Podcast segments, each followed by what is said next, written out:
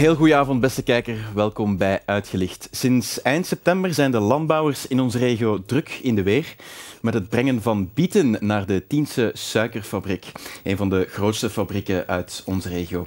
Maar de bietencampagne zit er bijna op en dan uh, vragen wij ons af hoe is de bietencampagne precies verlopen. En dat is vanavond een vraag voor de directeur van de Tiense Suikerfabriek en dat is uh, Jan Ingels. En die zit bij ons in de studio. Goedenavond, meneer Ingels. Welkom. Goedenavond.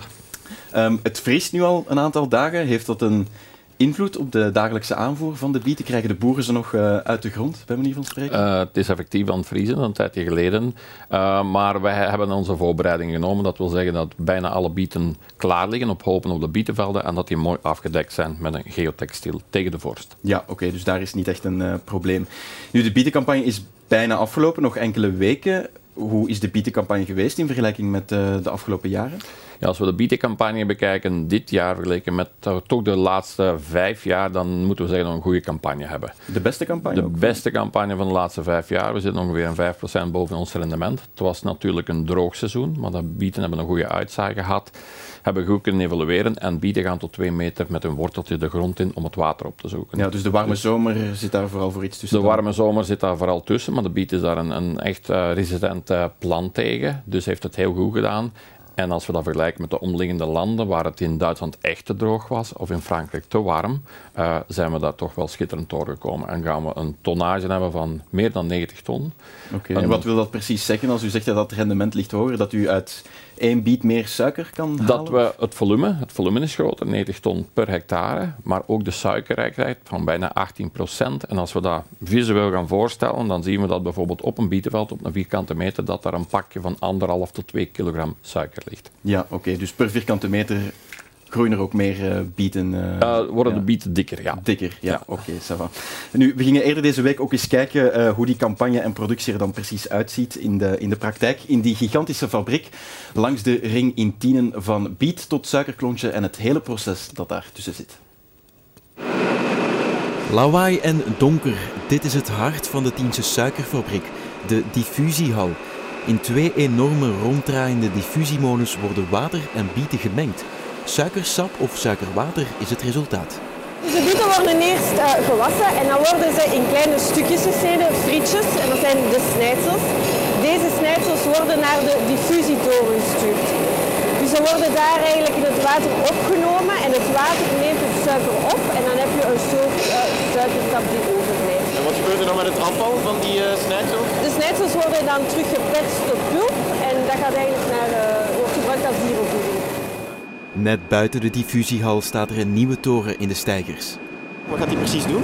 Ja, dus dat is de nieuwe extractietoren en die gaat de twee bestaande horizontale diffusietorens vervangen. Uh, dankzij deze nieuwe toren gaan we veel duurzamer zijn. Hè. Dus we gaan 6000 ton CO2 per jaar besparen en 150.000 kubieke meter water. Voor de bieten tot snijdsels worden gesneden en de diffusiemolens ingaan, worden ze uiteraard van de Tiense velden gehaald en door de boeren op het Bietenplein gelost. Ze worden eerst eigenlijk eh, gewogen en gemeten om het suikergehalte te zien, om te zien hoeveel aarde dat erin zit. Uit elke lading wordt een staal genomen om de kwaliteit te meten. De bieten worden dan gewassen en gaan daarna dus de snijmachine en diffusiemolens in, waar het suikerwater wordt gemaakt. Het suikerwater gaat dan via leidingen de fabriek rond. De kwaliteit wordt constant nagekeken. In enorme ketels worden uit het suikerwater nog mineralen gefilterd en dan wordt het uitgekookt tot er een gelei en kristallen overblijven.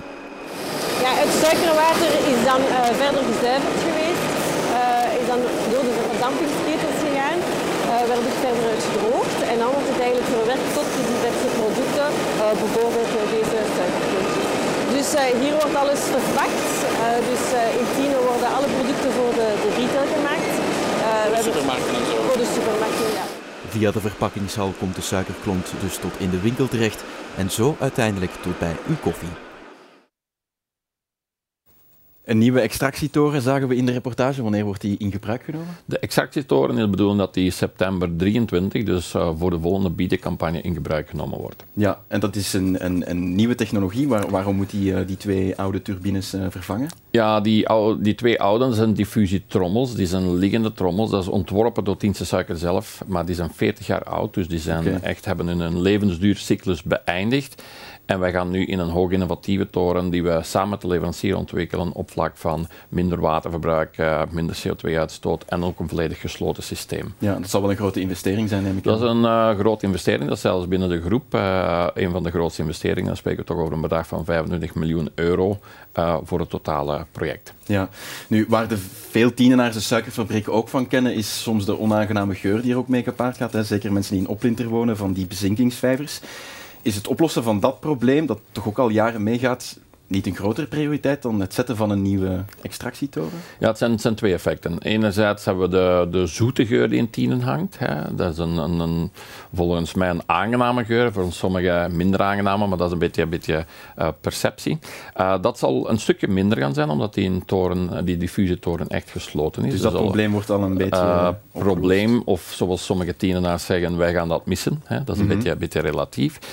Uh, de minder aangename geur, dat is als er in een proces, in de bezinkingsvijver, een volledig biologisch proces is, te veel fermentatie zou ontstaan, dan kan dat gaan fermenteren, kan dat een minder aangename geur geven. Nu, het is wel zo, als er een bepaalde minder aangename geur in tienen, dan wordt er zeer snel gedacht aan de bezinkingsvijvers. Dit is één tot twee keer maximaal per campagne dat we problemen hebben, maar effectief, we doen er alles aan om dat te vermijden en zijn momenteel ook met concepten bezig om bepaalde vijvers uh, buiten dienst te stellen en bepaalde vijvers meer uh, gaan te concentreren voor het uh, bezinken van de aarde in de vijvers. Oké, want enkele weken geleden waren er in die ondertussen wel bekende Facebookgroep Tine Stink nog een aantal mensen die, ik citeer het, hebben over een hevige stankgolf. Dan, het probleem gaat al wel even mee. Hè.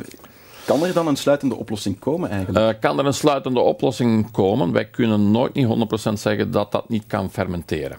Dus het gaat altijd een uh, beetje stinken. En, en, dat proberen we maximaal onder controle te houden. Dat is ook zeer beperkt. Uh, het probleem dat er toen geweest is, dat effectief met het zeer warme weer in de campagne, hè, dat we de pH moeilijk onder controle kregen. Extra kalk, ook een natuurlijk product toedoseren en dan even 1, 2 dagen bepaalde geurhinder gegeven. Mm. Oké. Laten we het nog eens hebben over die, um, die campagne. Het is een goede campagne, zei De fabriek draait ook op volle toeren, dat zagen we. Maar is de suikermarkt eigenlijk nog in groei? Want je zou kunnen zeggen dat er in de samenleving wel een grotere focus is op gezonde voeding, waar suiker eigenlijk niet echt meer bij hoort. Stijgt die vraag naar suiker nog? Ja, als we even op suiker ingaan, wij spreken altijd over verantwoord suikergebruik. Dus zonder suiker gaan we niet gaan sporten, dan gaat ons uh, brein niet lang meegaan. Dus we hebben suikers nodig. Uh, maar het moet in balans zijn. Hè. Te veel suiker is niet goed, je moet sporten. Maar er zijn veel andere producten waar je ook kunt zeggen, te veel van iets is niet goed. Dus we spreken over verantwoord suikergebruik. Okay, als we dan naar het suiker zelf gaan kijken, dan zien we dat uh, op wereldmarkt de vraag stijgt en dat binnen Toch, ja. Europa, binnen Europa momenteel een tekort is aan suiker. Er is, uh, we zijn een moeilijke periode achter de rug. Er zijn fabrieken gesloten geweest. En momenteel vraag en aanbod is er meer vraag als aanbod. Dus we zitten in een deficitmarkt in Europa. En van waar komt die vraag dan? Want natuurlijk, jullie produceren de suikerklontjes die iedereen kent van in de winkel. Maar ik heb begrepen, 90% van wat jullie produceren gaat eigenlijk ook naar uh, koekjesmakers, uh, frisdrankproducenten. Zijn het, is het vooral daar dat de, dat de vraag ja, stijgt? wij produceren uh, zeker heel veel voor de Belgische markt, maar ook voor de Europese markt, specialiteiten buiten Europa. Van waar komt die vraag? Ja, we zitten met een heel uh, mooie voedingssector in België. Dus we hebben heel gerenommeerde bedrijven op vlak van chocolade, van koekjes of van Luikse wafels. En dat zijn onze grotere klanten en daar uh, leveren wij met heel veel plezier die suiker naartoe. Ja, want volgens de Federatie van Belgische Bietentelers zijn er de afgelopen jaren wel meer dan duizend bietentelers gestopt. Is dat problematisch eigenlijk? Uh, is dat problematisch? Effectief in een moeilijke periode gekend. We zijn nu aan een positieve spiraal begonnen. Hè. De, de suikerprijs staat terug beter. Ook de bietentelers kunnen daarvan meegenieten. Werken ook heel hard mee aan, aan dit systeem. Zijn er wel meer telers die terug instappen ook? Uh, wij gaan ervan uit dat uh, met de condities die er vandaag zijn, dat zeker de bietentelers geïntegreerd zijn. We hebben die mensen echt nodig. Zonder bieten geen suiker en vice versa. Dus er wordt hard aan gewerkt. Ook niet vergeten dat bietenteelt, we spreken veel meer over bietsuiker als over de gewone suikers, omdat bietsuiker toch heel wat voordelen heeft op vlak van duurzaamheid, op vlak van weinig water nodig te hebben, maar ook niet vergeten, een bietenveld zet heel wat CO2 om in zuurstof, is een zeer duurzame plant.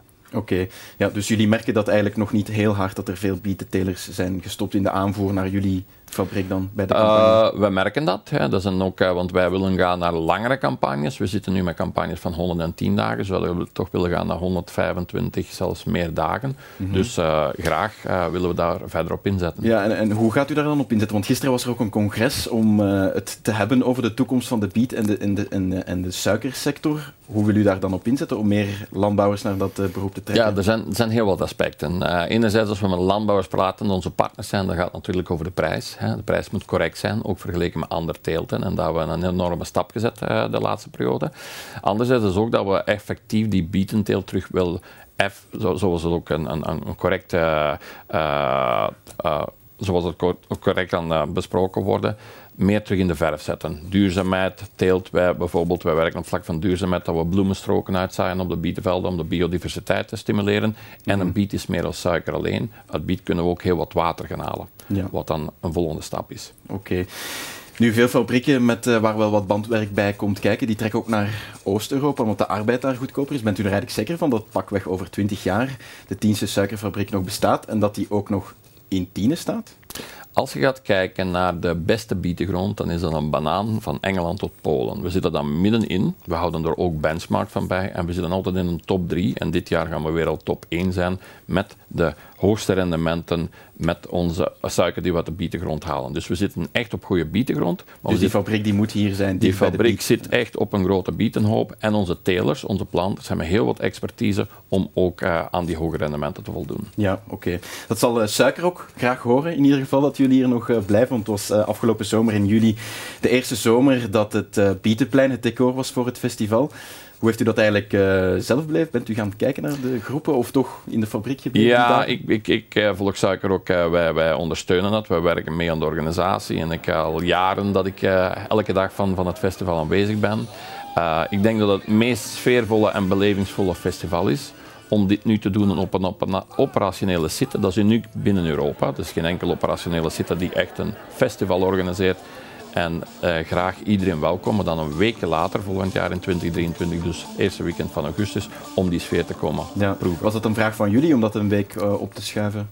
Nee, dat was geen vraag van ons, want wij hebben effectief in die periode maar de organisatie van Suikerok op vlak van planning, maar ook beschikbaarheid van uh, vrijwilligers, uh, was dat een vraag van hun. Ja, en krijgen jullie nu nog vragen van mensen die uh, dat Bietenplein willen gebruiken om festivals te organiseren, evenementen te doen? Wij hebben al heel wat vragen gehad, ja. uh, maar dat is alleen in die korte tijd mogelijk, omdat de rest van het jaar hebben we dat Bietenplein operationeel nodig. Maar in de zomer zeggen jullie dan ook wel ja tegen andere evenementen? nee, we proberen dat beperkt te houden, omdat wij weten welke organisatie het is en ook ja. welke samenwerking met het stad, met de brandweer, met de politie. Dat is heel professioneel aangepakt. En dat vraagt wel wat inspanningen. Ja, oké. Zoekt u dat met de suikerfabriek eigenlijk ook een beetje op, die maatschappelijke rol? Want ook in de Tienste watervelden zijn jullie een van de voortrekkers. Hè? Een groot, uh, grote bufferbekkers komen daar rond het uh, vliegveld in Goedsenhoven. En dan dacht u, dan leg ik er ook nog maar een strand bij aan. Ja, uh, de focus van het strand gaat natuurlijk over water, het duurzaam watergebruik. Voor jullie gaat het over water. Ja, het gaat over water. Uh, als we, en dat is, dat is, iets minder gekend. Momenteel zitten we met een, al reeds nu een watertekort in Vlaanderen, maar zeker ook in onze streek. Uh, wij produceren dan heel wat suiker, maar naast dat suiker bestaat een biet voor 75% uit water. Dit water willen we samen met de watergroep, uh, die de nodige competenties heeft, omzetten in drinkbaar water en in het drinkbaar waternet injecteren grote voordeel daarmee is dat uh, momenteel het water in de regen van Tiene en de bredere regen van Tiene veel te hard is, te veel ja. mineralen. Door dat te mengen met het bietenproceswater, opgezuiverd bietenproceswater, heeft dat de exact juiste kwaliteit. Dus dat is een win-win situatie. Het is niet alleen Tien Suiker, het is niet alleen de watergroep. We hebben een ganse organisatie opgezet, want het is een groot project, de Tiense Watervelden, samen met de provincie, samen met de stad, samen met Vlaanderen, maar ook met organisaties zoals de Boerenbond, FOCA, FEVIA, ja zetten allemaal een schouders eronder. Oké, een groot project dat ook nog wel uh, even zal duren, toch? Dat het er, uh, een groot project dat, even zal duren, maar waar dat we toch ook uh, samen met de provincie, bijvoorbeeld de taskforce, we hebben een taskforce opgezet, geleid door onze gouverneur Jan mm Sporen, om het effectief te gaan ontwikkelen en uit, uit te voeren, waar we toch met veel moed aan starten en rekening houden met de omgeving dit willen realiseren. Ja, en waar dan ook een strand komt. En daar zal ook een strand komen, dus we zullen er eventjes kunnen gaan genieten. Ook. Ja, oké. We zullen zien over uh, enkele jaren. Dankjewel voor uw komst naar uh, de studio, meneer Ingels. Dank, Dank u wel. En u thuis ook bedankt voor het kijken. Volgende week zijn we uiteraard opnieuw met uh, Uitgelicht. Dan is het ook meteen de laatste aflevering uh, van dit seizoen. En daarna zijn we dan terug na de kerstvakantie. Maar volgende week dus nog vaste afspraak op donderdagavond. Graag tot dan. Dag.